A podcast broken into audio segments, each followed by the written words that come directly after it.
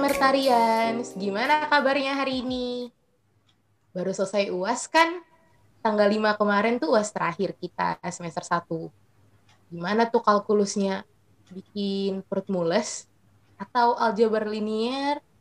Bikin otak makin pusing? Tambah lagi pengdemo teorinya banyak banget kan? Nah, cuman gak usah dipikirin lagi deh, udah lewat. Kita tinggal nunggu hasil aja. Nah, kali ini podcastnya Amirta 62 udah balik lagi nih untuk membersamai kalian di waktu libur kali ini. Setelah kemarin di episode sebelumnya kita membahas tentang produktivitas di masa pandemi, sekarang kita beralih ke topik yang tidak kalah pentingnya, akademik dan karir. Tapi kalau kita ngebahas akademik dan karir padahal kita masih tingkat satu, tuh kayak gak masuk akal aja kan. Jadi tim kepengurusan sudah mengundang seorang narasumber yang sudah menjalani masa pendidikan di STIS selama empat tahun dan sudah bekerja di BPS. Kenalin, namanya Kanoval. Halo Kanoval. Halo, uh, siapa? Amadea ya? Iya. Manggilnya. Oh, Oke, okay. Amadea dan teman-teman STIS Angkatan 62 semua. Uh, ini pakai gua lo atau aku kamu nih? Seraju sih, Kak. Oke. Okay. Oke, kayak biar lebih akrab kayak pakai gua lo lebih asik ya kayaknya ya. Biar lebih ngalir aja gitu kayaknya. Oke, gue mau sapa sama uh, teman-teman STS 62. Uh, gue panggil apa? Amerta. Amertarian. Amertarian. Yep. Oke, selamat pagi, siang, sore ya. Kapan pun teman-teman Amertarian mendengar. Uh, perkenalkan ya gue Naufal yang akan mungkin sharing-sharing ya sharing-sharing buat kalian semua tentang akademik dan karir di Badan Pusat Statistik. Nah, sebelum kita bahas lebih lanjut nih, kita mungkin kenalan dulu lebih lanjut tentang siapa sih Kak Noval ini. Nah, Kak Noval ini nama lengkapnya Noval Tama Pratikto, kelahiran Pontianak, tanggal 12 Juni 1997. Kak Noval ini menjalani masa pendidikan SD, SMP, dan SMA-nya di Pontianak, lalu melanjutkan pendidikan tinggi di Polstat STIS di Jakarta Timur angkatan 56. Sekarang dia bekerja di BPS. Sebelumnya di bidang Biro Humas dan Hukum, sekarang di bidang sosialisasi dan layanan informasi. Nah, e, daripada kita lama-lama mending kita lanjut ke pertanyaan-pertanyaan aja ya Kak. Karena banyak banget nih Amertarians yang penasaran gitu. Siap nggak nih Kak jawab dari pertanyaan mereka? Siap, siap. Selalu siap kalau gue mah. Oke menurut lo berdasarkan yang gue denger lo tuh dulu keterima di STIS hmm. dan di PTK lain deh nggak usah disebutin namanya yeah, yeah. terus apa sih alasan lo sebenarnya milih STIS oke okay. langsung gue jawab aja nih ya sebenarnya kalau gue milih STIS itu sebenarnya ya coba-coba aja sih sebenarnya gue tuh gue gue kalau boleh jujur ya kalau boleh jujur gue itu sebenarnya pengennya masuk polisi, sumpah. Gue pengen masuk polisi karena gue udah malas banget sama yang belajar kuliah kayak gitu. Nah, terus gue pengen masuk polisi, cuman abis lulus SMA, gue masih 16 tahun, dan masuk polisi itu harus 17. Nah, kemudaan. Iya, betul. Nah, jadi gue nggak bisa kan. Akhirnya gue cari kedinasan yang biar langsung kerja aja gitu. Ya salah satunya STIS dan ada dua kedinasan lain ya, dua sampai tiga kedinasan lain yang pas tahun gua itu bisa daftar lebih dari satu kedinasan. Nah, terus dan gue baru tahu STIS itu ketika ujian nasional. Jadi gue ngebut bener-bener ngebut belajar buat masuk STIS itu cuma dua minggu doang. Habis UN terus dua minggu belajar STIS. Polstat STIS ya sekarang namanya dulu STIS. Polstat STIS sekarang namanya. Itu cuma dua minggu doang. Dan memang diniatin sih sebenarnya pas sudah itu. Terus akhirnya mas uh, lolos tahap 1, tahap 2, tahap 3, lalu dua kedinasan lainnya lolos juga. Cuman yang pertama itu di nggak ikut tes selanjutnya, terus yang uh, satunya itu nah itu sempat jadi kegalauan mau mau ngambil yang mana gitu kan. Cuma di Polstat STS ini udah pemberkasan duluan. Jadi udah pemberkasan duluan, jadi akhirnya gue harus memilih kan gue udah milih yang sudah pasti masuk atau yang masih 50-50 akhirnya gue milihnya STIS gitu sebenarnya mungkin kalau misalnya yang PTK sebelah itu duluan mungkin gue masuk ke PTK sebelah gitu Jadi, gitu oh, gitu ceritanya ya kenapa gue milih STIS ya Polsat STIS gitu kira tuh kayak ada alasan mendalam, alasan fundamental lain maybe. Nggak, nggak ada, sumpah nggak ada. Jadi karena Polsat SIS sudah pemberkasan duluan, baru ini, baru PTK selanjutnya, dan PTK selanjutnya itu masih ada satu tes lagi. Nah, STS sudah pasti, jadi ya udah gue masuk STS saja dan setara S1 gitu kan, aman-aman aja, tinggal S2 doang lah. Emang lo ada niat S2? Ada niat S2 tapi kan belum bisa. Oh iya, gue. Iya, kayak gitu. Gue juga waktu itu daftar STS tuh gara-gara ya PTK sebelah itu. Ino Hmm. lah. Oh gitu. Oh, dan gue Oh. kayak, gue daftar apa ya yang nerima IPS Ya udah gue daftar STIS jadi gue ngebut banget Ya, gambling gitu ya. gambling sih gue asli Keren loh. emang tuh nasib sih Bener, bener. Kalau lo sendiri kemarin itu kelas SE apa SK tuh Kalau gua SE ya. SE itu nggak tahu sih sekarang penjurusan SE itu di tingkat 3 atau tingkat 2 nggak tahu nih di kalian. Kalau gua dulu pas di tingkat 3 berarti itu semester berapa tuh? lima Itu tiga empat semester 5 ya. Jadi semester 5. Jadi gua tuh pikir pendek aja gua. Jadi gua masuk statistik yang umum terus gua mikir kalau komputasi kan susah ya. Males ngapain gitu. Itu dulu pas gua milih statistik sama komputasi itu di tingkat 2 di semester 3. Kalau sekarang kan udah di awal ya. Terus di semester 5 gue milih aja nih mana jurusan yang judul skripsinya banyak gitu. Ya. Jadi kenapa kan misalnya di skripsi itu mungkin misalnya eh, pengaruh variabel AB terhadap CD di misalnya di Jakarta tahun 2010. Ya udah, pas skripsi kita kita tinggal ubah tuh misalnya. Ubahnya ya bisa kayak eh, pengaruh variabel AB terhadap CD di Jawa Barat. Tinggal ganti lokasi sama tahunnya. Udah gitu. Jadi gue mikirnya ya realistis aja gitu. Biar yang mudah, nggak menyusahkan gue. Selain itu, kayaknya di BPS banyak yang mata kuliah di SE deh. Dulu mikirnya kayak gitu. Nah jadi ya itu, gue bener-bener realistis aja. Karena di STIS ini kan persaingan kan memang luar biasa ya. Persaingan luar biasa. Memang sih jiwa korsanya tinggi, masuk 100, ibarat masuk 100, keluar 100. Tapi kan kita nggak tahu bener-bener siapa temen, siapa lawan kan. Jadi untuk itu ya gue realistis aja gitu. Karena gue nggak, jujur gue merasa tidak sepintar teman-teman yang lain. Gitu. gue bingung deh lo tuh tipe orang yang akademik banget yang kayak 24/7 belajar atau ikut-ikut organisasi dan UKM Kalau belajar, gue sebenarnya nggak suka yang namanya belajar ya. Itu gimana ya bilangnya ya? Pengakuan dosa sebenarnya gue nggak suka sama yang kayak belajar gitu nggak. Jadi gue mungkin ini jangan ditiru ya teman-teman ya. ini mungkin salah satu contoh yang kurang baik ya, kurang baik. Jadi gue tuh kalau di kelas gue memang belajar.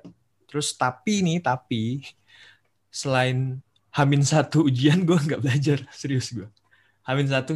Gue cuman ya jalan-jalan explore Jakarta. Karena gue dari bukan dari Jakarta kan. Nah kemudian di UKM gue di UKM kebetulan UKM gue itu UKM eksekutif band crew Xbar. Tahu UKM band. Terus sama eh, olahraganya itu badminton. Gitu. Karena gue berpikir di kampus gue udah menghabiskan waktu dengan berpikir dengan belajar. Terus masa gue harus milih UKM yang belajar juga gitu loh. No no no nggak. Jadi gue harus gue lari akhirnya lari ke band ke musik. Itu yang hampir setiap sore mungkin gue ke ruang apa ya ukes ya. UKM kesenian ruang ukes itu setiap hampir setiap sore teman-teman semua. Terus di weekend gue lari ke olahraga badminton gitu. Lo di Xbar dapat bagian apa tuh? Gue di Xbar gue vokal. Dari awal tuh gue tesnya gitar sama vokal cuman gue keterima vokal. Terus ya itu ikut aktifnya sih seringnya di Xbar sempat jadi ketua juga di tingkat pas gue tingkat berapa ya? Tingkat dua apa tingkat tiga ya? Ya gitu setahun. Terus kemudian ya mungkin kalau misalnya ada teman-teman yang pernah dengar gala musik statistik. Elastik ya galastik di situ hampir setiap tahun berkont bukan berkontribusi ya ikut bareng-bareng lah menyelesaikan acara itu gitu. Terus uh, menurut lo tuh kayak UKM UKM dan organisasi yang lo kan lumayan aktif kan, itu ya. membantu lo nggak sih sebenarnya in a, in a, in some way gitu? Sangat sangat membantu soft skill di UKM dan organisasi sangat sangat membantu ketika di dunia kerja. Kenapa? Kan kita kan kalau di BPS nih yang berhubungan langsung dengan masyarakat ya. Terus komunikasi, pasti ilmu komunikasi sih. Jadi kalau misalnya di organisasi dan UKM itu, kayaknya lo bakal dapat kesempatan lebih banyak lah. Bakal dapat kesempatan lebih banyak untuk mengeluarkan opini lo di situ gitu loh. Makanya apalagi kalau lo yang kayak eh, gimana ya? Hmm, lo jadi pengurus misalnya. Jadi iya. pengurus di situ kan lo punya power. Lu punya power untuk speak up di situ, gimana untuk menentukan uh, program-program, gimana lo bisa didengar dan mendengar, kan begitu tuh.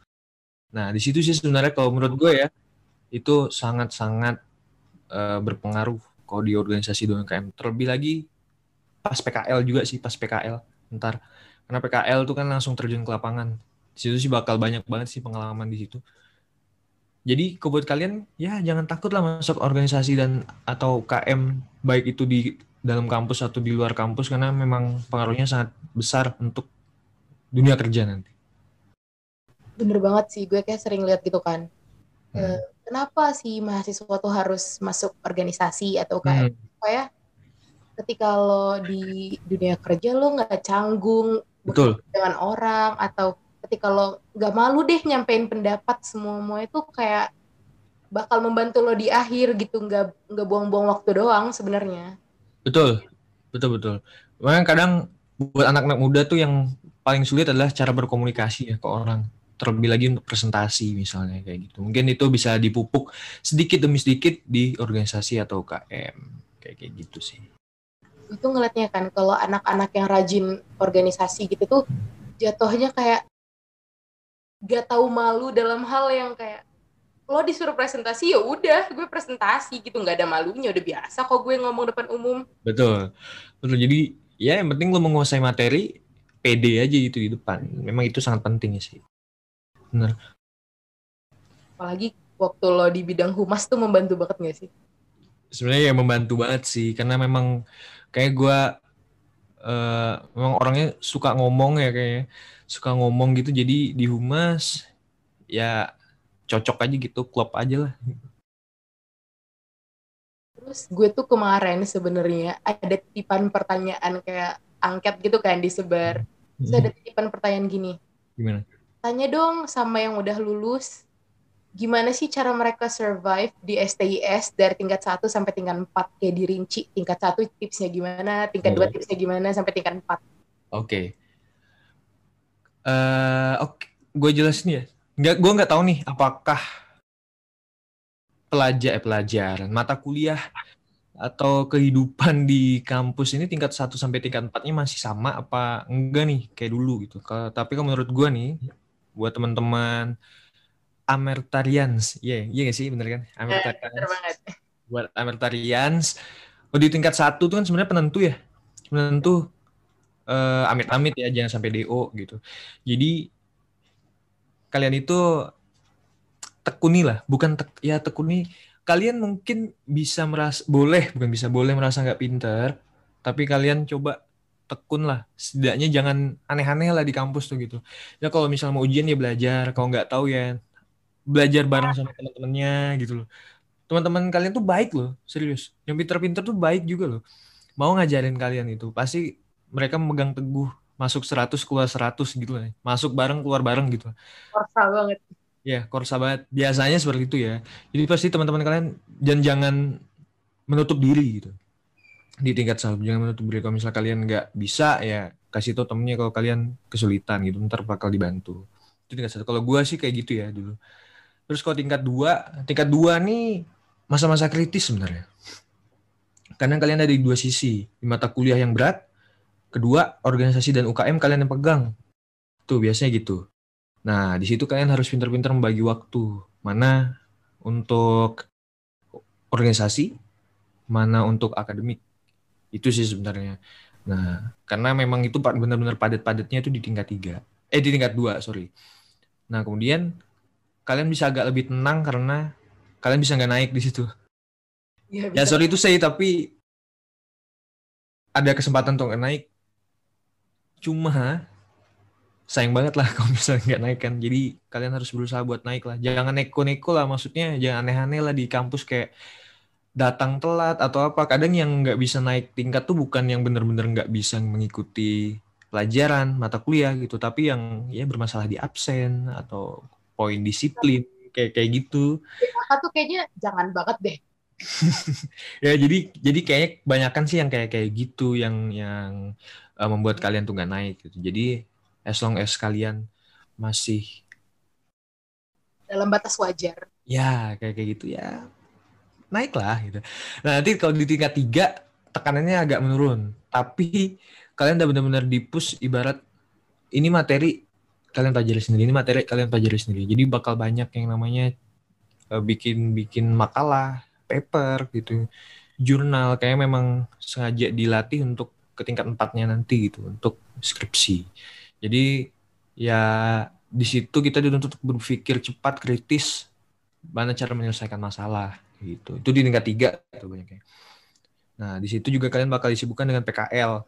Kan di situ sih tantangannya karena PKL tuh nguras waktu banget kalau misalnya ya dapat di seksi-seksi tertentu ya bakal nguras banget tuh di situ. Dah tingkat tiga tuh kayak gitu, pinter-pinter uh, inilah strateginya tuh bagaimana cara biar cepat selesai gitu sih sebenarnya kalau tingkat tiga. Kalau di tingkat empat ini sebenarnya godaan paling besar dalam kuliah ya, yaitu skripsi. Karena waktu kalian tuh panjang banget, panjang banget. Jadi kayak mau ngulur-ngulur gitu. Kayak males ntar deh, ntar deh tiba-tiba tinggal dua bulan lagi gitu. Nah, ending. Ya itu, ya di sini uh, pemilihan dosen pembimbing yang tepat, serius nih, pemilihan dosen pembimbing yang tepat itu berpengaruh loh. Kalau kalian yang kayak leyeh-leyeh gitu loh. Nah, gitu. Cuman kalau misalnya kalian benar-benar yang memang serius ya siapa pun dosbingnya it's okay. Tapi menurut gua di tingkat 4 kalian lebih santai, cuman lebih serius pastinya karena memang untuk nyelesain skripsi buat sidang nanti untuk dapat gelar sarjana terapan statistik itu. Kalau misalnya cara survive yang lebih spesifik kayaknya nggak bisa ya karena setiap orang kan beda-beda ya. Jadi gue ngasih tahu yang umum sih, yang umum-umum aja kayak gitu. Itu kalau gue ngeliatnya tuh ya, kalau tingkat hmm. 4 itu bener-bener rely on you gitu loh. Lo hmm. mau tamat ya udah lo kerjain skripsinya, hmm. tapi kalau lo nggak mau tamat ya suka-suka lo deh. Ya. Yeah. Lo yang jadi korban. Ya, dan banyak kan memang dosen pembimbing di Polstatistis ini ada yang sebagian besar ya, sebagian besar memang menarik mahasiswanya ayo sini kita skripsi ayo kita selesaikan gitu tapi kalau udah memang lu bener-bener ngejengkelin mereka ya bener-bener dilepas lu ngulang lagi tahun depan atau mungkin nggak dikasih kesempatan gitu kalau mata kuliah yang bikin lo pusing selama tingkat satu itu apa sih tiap tingkat deh tingkat satu. Apa ya tingkat satu ya? Kayak tingkat satu enggak nilai gue tinggi tinggi aja tingkat satu. Tingkat satu gue jelek amat ya nilai. Gue paling suka tingkat satu itu kalkulus sebenarnya. Astagfirullahaladzim sumpah gue paling suka kalkulus tingkat satu. Sama demografi karena demografi ada survei ke uh, tempat prostitusi terus ke anak pang kayak kayak gitu. Jadi kayak wih seru banget nih demografi. Kayak gitu survei. Jalan-jalannya jalan-jalannya. Itu gue suka demografi itu sih dua. Kalau yang yang sulit tingkat satu nggak ada ada satu peluang sih sebenarnya. Nggak tahu ya sekarang ya di kan gue nggak tahu ya ini pas tahun gue ya pengantar teori peluang tuh gue kayak sulit banget gitu. Padahal teman-teman yang lain mudah ya untung dapat dosen yang enak gitu. Terus kalau untuk tingkat dua ah tingkat dua apa ya? Oh tingkat dua itu MPC metode penarikan contoh. Itu gue nggak suka. Karena sulit. Menurut gue karena ngitung-ngitung. Dan yang gue paling suka statmat nggak tahu kenapa gue suka banget sama statmat aneh banget sumpah. Gitu gue suka suka banget gue sama statmat di situ terus yang tingkat tiga. Tingkat tiga itu oh belum oh ya tingkat tiga itu gue sukanya sama aku oh, lupa sih mata kuliah tingkat tiga apa ya gue lupa, sumpah, gue lupa. Kuliah tingkat tiga, gue lupa apa. Kilo udah tua nih. Iya, sumpah. Itu tahun berapa coy? 2017, 2016, 2017. Gue udah lupa banget itu.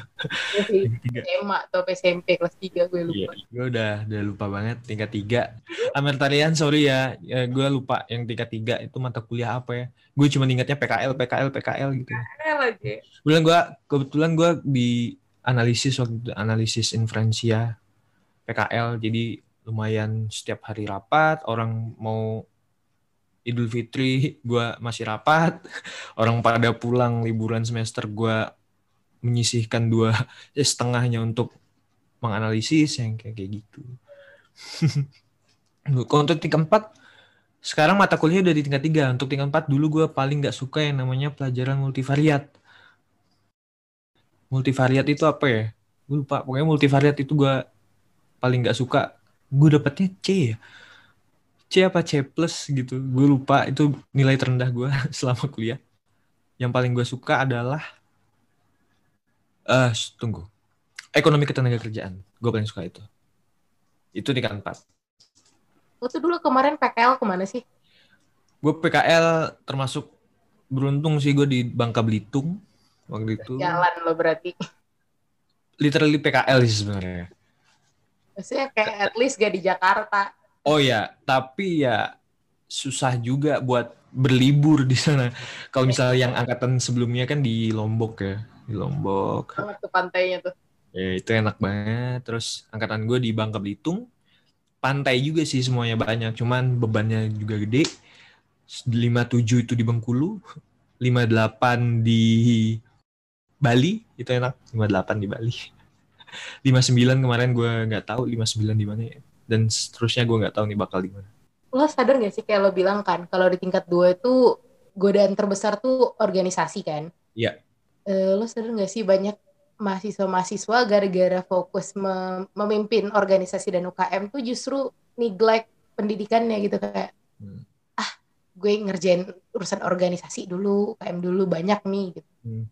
Lo sadar gak sih banyak yang kayak gitu teman-teman lo mungkin atau lo sendiri? Ya, gue termasuk salah satunya sih sebenarnya. ya, makanya dari pengalaman gue, gue tadi ngasih tahu ke teman-teman Amertarians kalau pinter-pinter memanage waktu karena gue lumayan cukup gagal di situ. Memang IPK tingkat 2 gue jauh, eh jatuh dibanding tingkat satu, tingkat tiga naik lagi, empat tidak terbendung karena mata kuliahnya sedikit ya. Mata kuliahnya tingkat empat tuh tidak terbendung IPK. Jadi IPK tingkat 2 gue tuh yang rendah yang bikin IPK semuanya 1 sampai 4 itu jatuh eh enggak enggak begitu jatuh sih maksudnya enggak enggak begitu tinggi. Tinggi ekspektasi lo lah. Ya ekspektasi gue mungkin terlalu tinggi ya buat kalian semua jadi ya udahlah. gitu, jadi jadi IPK tingkat 2 gue itu jatuh dibanding tingkat satu karena ya itu terlalu banyak di organisasi yang kayak ya ikut-ikut aja. Kan banyaknya acara kan kita yang handle gitu. Terus nggak cuman beberapa acara tapi memang organisasi ibarat ya bukan ibarat ya contohnya Exber kan gue ketua di situ. Jadi mungkin sebagian waktu dihabiskan di situ. Lalu ada beberapa turnamen olahraga yang itu kan dipegang juga kayak kayak gitu. Nah, itu ngabisin tenaga dan pikiran ya. Tenaga dan pikiran. Jadi ya gue harus mengorbankan sedikit untuk akademik Cuman gue sebenarnya fine fine aja sih sebenarnya ya. Kayak santai aja gitu. Cuman gue ngerasa nilainya turun gitu. Tapi it's okay juga. ya, tapi it's okay. Seru-seru aja sih. Karena ada nilai positifnya di situ kan. Tapi buat kalian semua yang baru akan masuk tingkat dua di pertengahan tahun nanti, iya kan, teman-teman ya kan?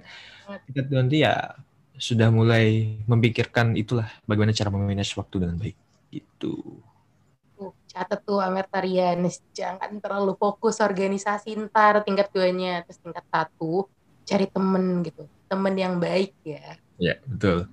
Ya temen yang lebih dari baik nggak apa-apa lah. Ya, apa sih maksudnya temen tuh megang peran penting banget sih asli. Kayak, betul. menurut gue tuh lebih bagus lo cari teman teman baik daripada teman yang pinter yeah. karena teman pinter belum tentu mau berbagi teman yeah. udah pasti mau berbagi betul Betul. Cari teman yang mau berbagi. lo pernah gak sih kayak ngadepin situasi di mana lo kayak udah desperate banget nih misalnya tentang suatu matkul terus lo datengin orang atau teman seangkatan lo tapi dia kayak gak mau bantu gitu padahal tuh dia pinter dan lo tau dia ngerti gitu hmm. Alhamdulillah nih ya bersyukur gue nggak pernah ketemu orang yang kayak gitu gitu. Serius. Jadi gue ketika gue nggak tahu uh, gue nggak pernah lari ke temen yang benar-benar pinter. Jadi kami ini kayak kayak sama aja gitu. Jadi ketika gue nggak tahu gue lari ke dia dia nggak tahu dia lari ke gue gitu. Nanti opini kita ketemu tuh di tengah. Nah. nggak tahu ah itu baru. Maksudnya kalau sama-sama nggak tahu tuh pasti ada loh orang yang tahu gitu. Pasti ada yang tahu. Dan bukan lari ke orang yang benar-benar pintar gitu. jadi kalau misalnya di STIS mungkin kalian belum pernah masuk kampus ya kan sama sekali kan? Terus ada yang KSM ya namanya KSM itu. Ya KSM KSM nah KSM itu kan biasa kan yang ngajar yang paling pinter ya atau yang UKM bimbel biasanya kayak kayak gitu kan? Ya yang kayak kayak gitu biasanya gue datang gangguin aja sebenarnya. Ngegangguin aja gitu bikin ya yang gue nggak tahu gue dengerin yang enggak ya udah. Eh yang nggak tahu gue dengerin yang gue tahu ya udah lewat aja. Soalnya kan ada yang modul ya. Modul-modul belajar itu gue pedoman gue cuma itu doang. Selain itu ya enggak ya alhamdulillah soalnya nggak pernah melenceng ke mana-mana sih di situ aja sebenarnya. Aman lah bisa lah. Lo berarti kan lo 10 besar nggak sih waktu itu? Waktu tamat dengan dari cerita gue yang dari awal sampai sekarang ini kayaknya kalian bisa menyimpulkan ya atau lu juga bisa menyimpulkan kalau gue tidak mungkin 10 besar. Mustahil. Jadi gue uh, buka ya, gue buka aja gue uh, sekitar peringkat 70-an gitu.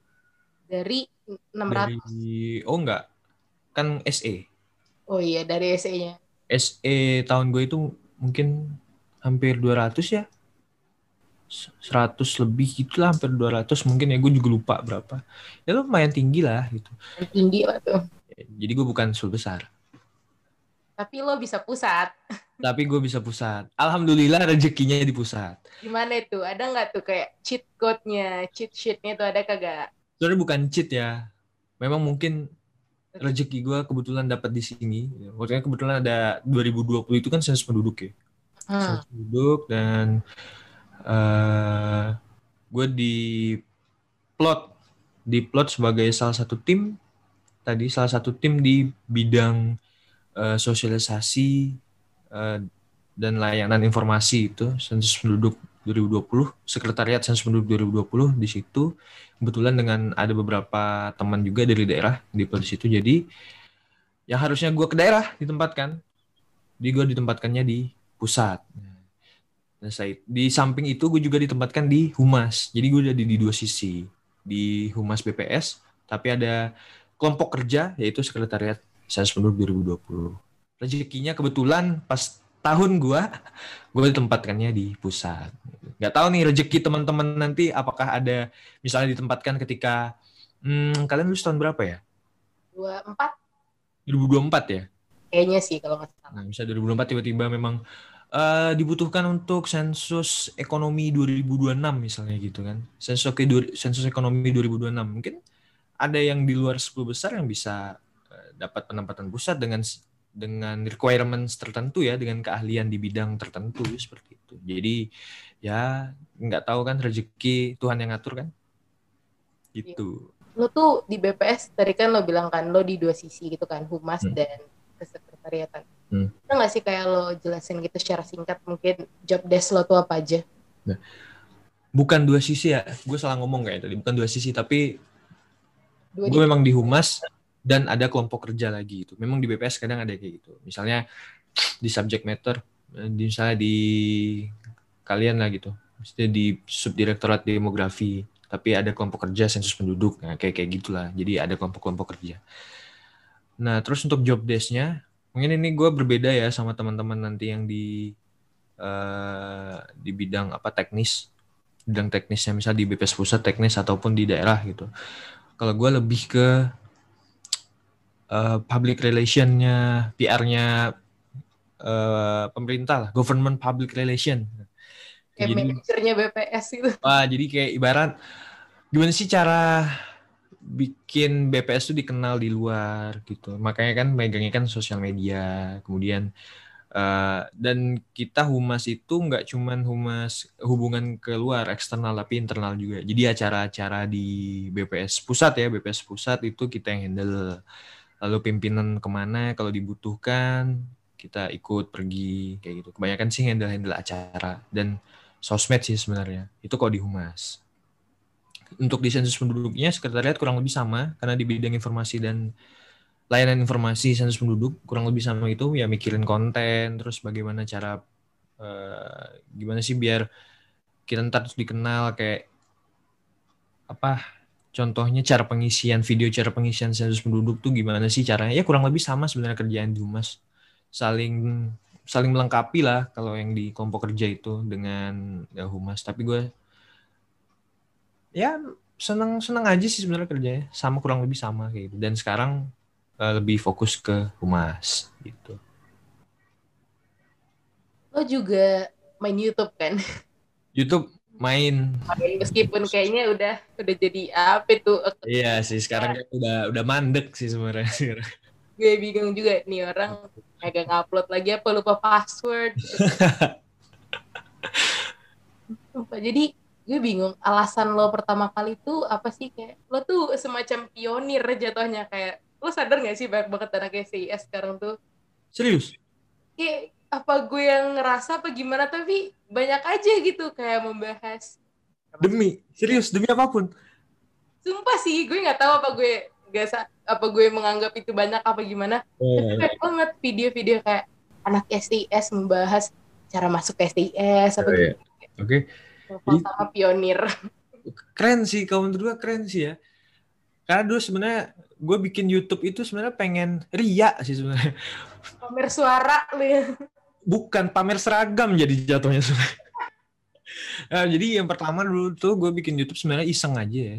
Iseng doang karena ya itu kan kerjaan gue hampir setiap sore itu kan di ruang UKES ya.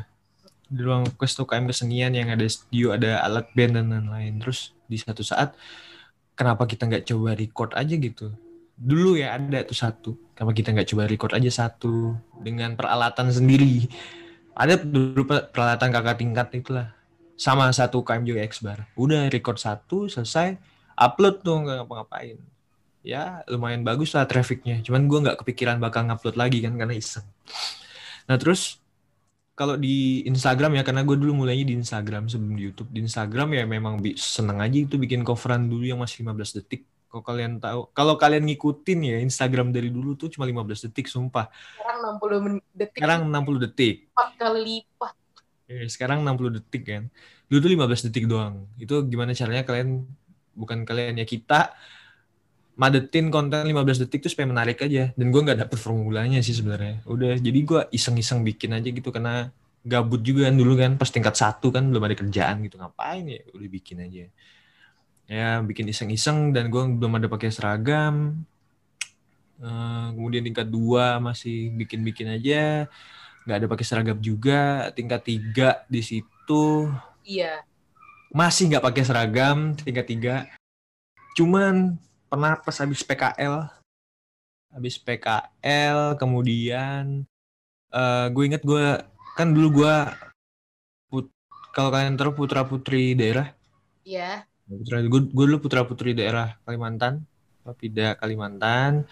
Kemudian di tingkat tiga di tingkat tiga itu gue uh, melatih ya ibarat kayak melatih yang adik-adik itu jadi papida lagi. Nah setelah itu gue ada ngupload satu, mengupload satu video menggunakan seragam. Pecah tuh. Pecah. Terus gue mikir, kenapa nggak pakai seragam terus ya buat ningkatin traffic, gitu kan? Ya, di samping itu untuk mensosialisasikan. Karena orang-orang mah taunya kalau di luar kan bukan STIS ya, PTK lain mungkin boleh ya kita sebut misalnya IPDN, uh, eh, STAN atau mungkin Akpol itu ya. Nah, kayak kayak gitu. Nggak ada yang tahu STIS tuh gimana itu. Gimana sih cara ngenalinnya? Ya udah, gue jadi pakai baju aja seragam. Udah nyanyi aja gue di situ di Instagram pecah. Kemudian empat tahun gue sering pakai seragam, tapi untuk Instagram doang. Akhirnya pas di tingkat empat, gue sama teman gue, Bagus Ardiansyah. Gak tahu gue. Bagus Aryansyah mungkin kalau uh, Meltarian tahu Bagus Aryansyah itu ya kami untuk pertama kalinya iseng aja minjem minjem alat recording orang kami pinjam aja itu. Kami pinjam terus kami record apa adanya. Udah selesai audionya lalu kami take video di kampus. Itu hari minggu. Ini take selesai kami upload dengan harapan trafficnya tinggi. Syukurnya agak lumayan tuh. Syukurnya agak lumayan tinggi kemudian naik naik naik naik. Sayang banget nih nggak dimanfaatin. Duitnya ada coy. Waduh. Chance main deh tuh kan? Duitnya ada nih duitnya ada nih gitu. Terus bisa tipis-tipis juga kan ya tipis-tipis sosialisasi lah. ya buat aja lah tipis-tipis sosialisasi. Akhirnya kami bikin terus terus terus terus terus ya. Sampai sekarang bah, mungkin dari angkatan 59 60 61 ada yang bilang kak aku tak aku masuk STIS karena tahu kakak tahu dari kakak. Gitu. Dan itu kayak bangga aja gitu loh. Luar biasa teman-teman semuanya kayak gitu. Ya mungkin berarti sosialisasi dari gue berhasil. Itu sih sebenarnya tujuan bikin YouTube. Sosialisasi pamer seragam dan duit AdSense tuh memang gak bisa dibohongin ya gue ngomong realistis aja gitu lo menceritakan ini Mbak Intan marah gak sih Kenapa marah? Menyebutkan dia dalam cerita ini. Ya sebenarnya memang nggak ada niatan ngajak dia sebenarnya. Cuma, nah itu cuma setiap seleksi buat masuk Xbar gue dateng. Nah, kebetulan dia bagus. Sebelum dia terkenal di Xbar, kami tarik dulu. kami ajak masuk video, oke, okay, baru sama Xbar kan, dan sekarang ya karena trafficnya bagus ya kami ajak terus gitu. Kalau traffic nggak bagus, Intan sorry kami kick. ya pokoknya gitulah. Setidaknya gara-gara itu SAS ya bisa dikenal ya. Itu klaim pribadi ya ya bisa dikenal lah kayak gitu. Soalnya tuh kan gue tuh dulu kan nggak tahu ya, gue tuh jujur nggak tahu STS itu apa kan. Hmm. Terus gara-gara si PT PTK terkenal itu tutup, ya. Itu kan nggak tahu kan, ah daftar ya. mana nih? Gue dikasih tahu tuh kan, itu tuh STIS aja dia nerima IPS kok mulai tahun ini. Gue kan dari IPS tuh. Udah deh, coba-coba aja nggak akan lulus juga kok. Terus gue search tuh kan di YouTube STIS, muka lu pertama muncul. Tuh, Bener kan? Itu sebenarnya paling enak kayak begitu.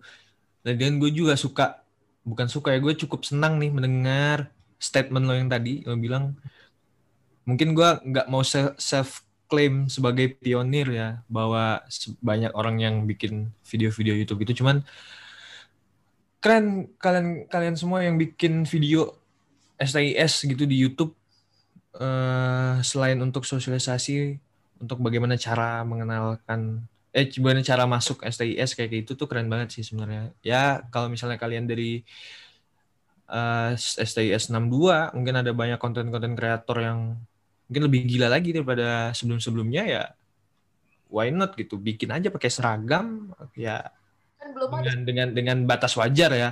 Jangan yang aneh-aneh lu pakai seragam aneh-aneh ya jangan lah gitu. Malu itu betul.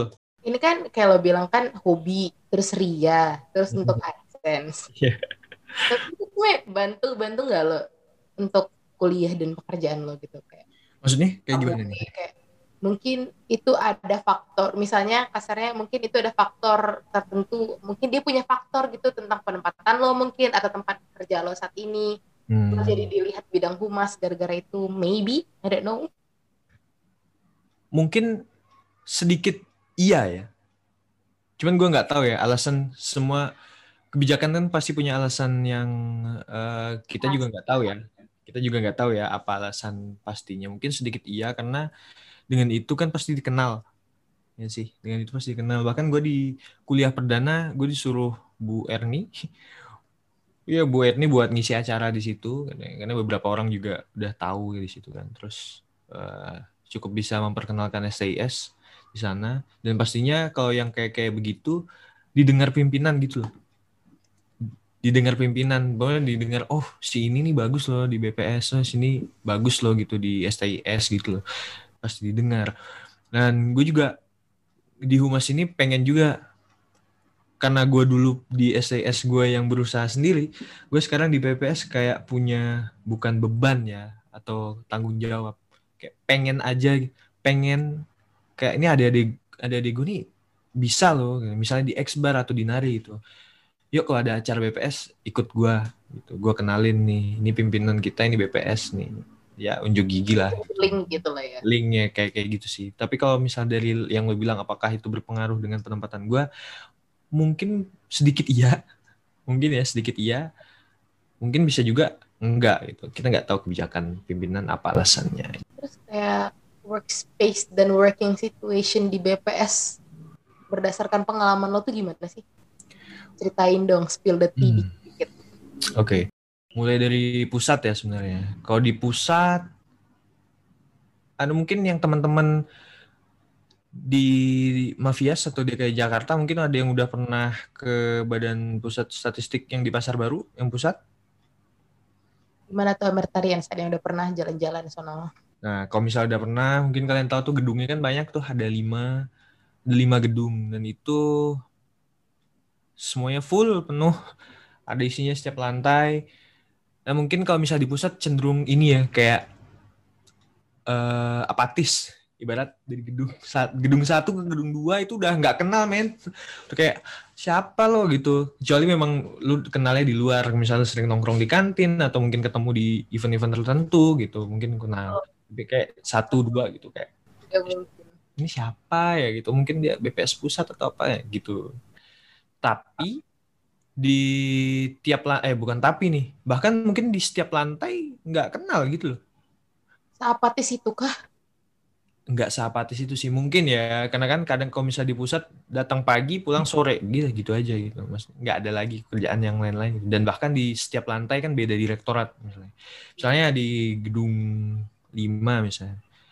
Di lantai tiga itu ada direktorat statistik tenaga ketenaga kerjaan naik lagi tingkat 4 ada statistik uh, ketahanan sosial gitu.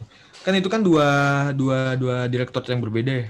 ya itu udah nggak ada udah kadang saling nggak kenal gitu tapi kayak kalau gue lihat masih saling kenal sih.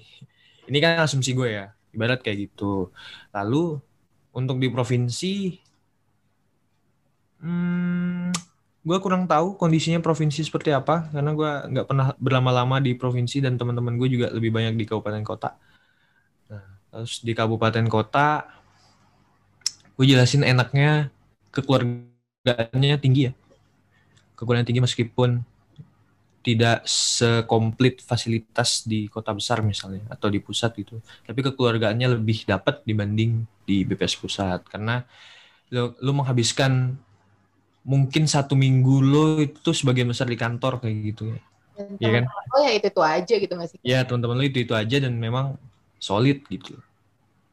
Oh, udah sih. Kalau lingkungan kerja ya di BPS ya working space dan working situation. Wah working space tuh. Kalau working situation sangat padat. Pekerjaan BPS sangat-sangat padat, terutama di kabupaten kota dan uh, teknis pusat itu ya kayaknya kayaknya teknis pusat dan bebas kabupaten karena teman-teman gue di kebanyakan di situ di apa bebas kabupaten kota yang mungkin awal tahun misalnya Januari kosong nih lagi santai terus Februari sampai November padat terus Desember baru santai lagi kayak kayak gitu.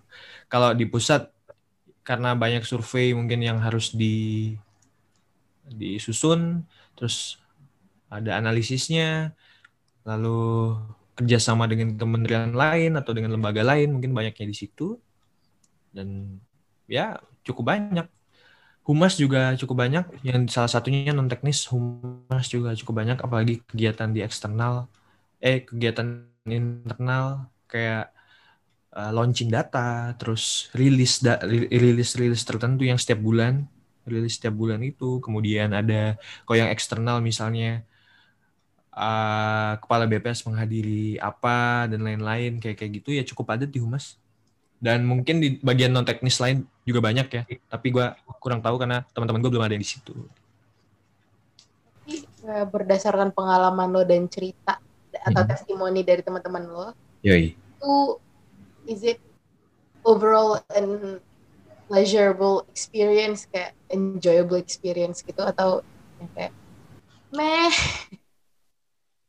banyak banyak sisi ya. Teman gue banyak dan mungkin satu orang bisa banyak pengalaman juga. Kadang dia merasa seneng bekerja dengan seperti itu karena teman-temannya juga oke kerjaannya oke dan dia seneng. Ada yang mengeluh karena mungkin dia merasa tidak adil atau tidak setimpal uh, feedback dari pemerintah misalnya gitu ya ada juga yang kayak biasa-biasa aja let it flow ya nanti juga ketemu enaknya di mana. Ada yang nggak suka pengen berharap pindah-pindah terus. Banyak sih sebenarnya. Dan nggak bisa digeneralisir. Menyenangkan nggak bisa. Terus kayak naik turun lah. Kayak grafik. Yo i grafik.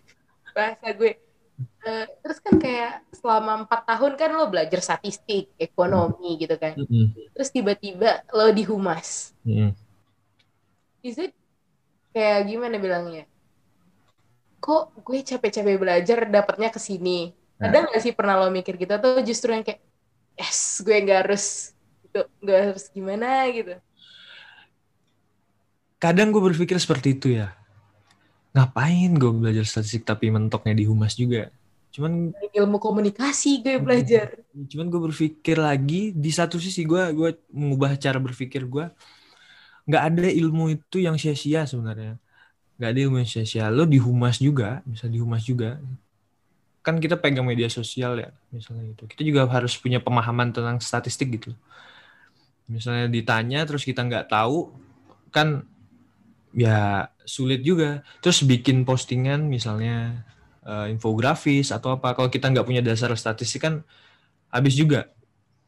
Kayak kayak gitu kan. Nah, dan menurut gua gue nggak pernah menyesal sih. Setelah gue mengubah pola berpikir itu gue nggak pernah menyesali dan malah makin di sini gue malah pengen kayak gabungin gimana sih ilmu statistik dengan ilmu komunikasi itu yang yang yang klubnya tuh nanti bakal menghasilkan yang kayak gimana tuh yang sampai sekarang gue masih penasaran nanti bakal gimana gitu mungkin kalau ke depannya S2 gue bakal ngambil komunikasi ya komunikasi ya bagaimana cara mengkomunikasikan statistik ke publik agar mudah diterima. Uh, gila keren banget gitu.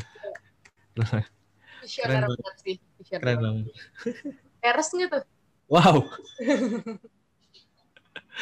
ya kayak kayak gitulah. Kita doakanlah BPS semakin oke. Okay. Cebel gitu sih.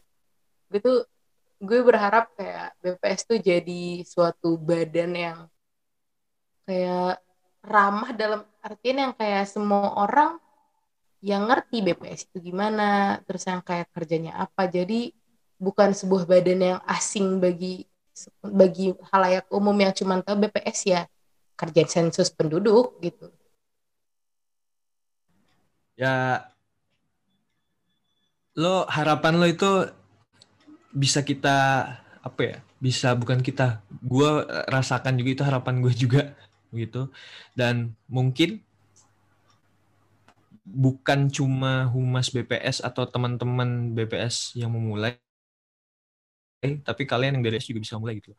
Jadi teman kalian misalnya, kalian ini kan punya, kalian kan masih fresh nih, bukan masih fresh ya. Kami juga yang mudah-mudahan masih fresh juga ya.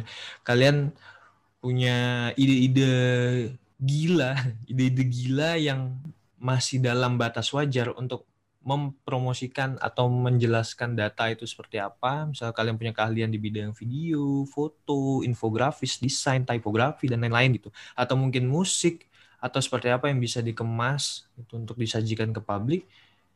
Bikin aja gitu. Tunjukin aja. Tunjukin aja. Kan setiap orang punya uh, punya apa ya? Punya punya punya masa yang berbeda-beda gitu. Maksudnya lo mungkin teman teman-teman lo banyak nih di Jakarta tapi temen tapi belum tentu lo punya teman di Malang yang banyak gitu. Jadi lo bisa nyebarin itu di ya di, di, di lingkungan lo gitu.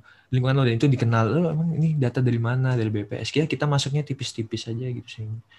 Gue pengennya sih teman-teman SES punya punya ide-ide yang keren juga itu nggak cuma dari BPS doang Mungkin bisa jadi siapa, siapa tahu misalnya oh ini jago nih desain atau jago nih dia sering promosin BPS terus sedikit uh, sedikit bisa mempengaruhi penempatannya kan.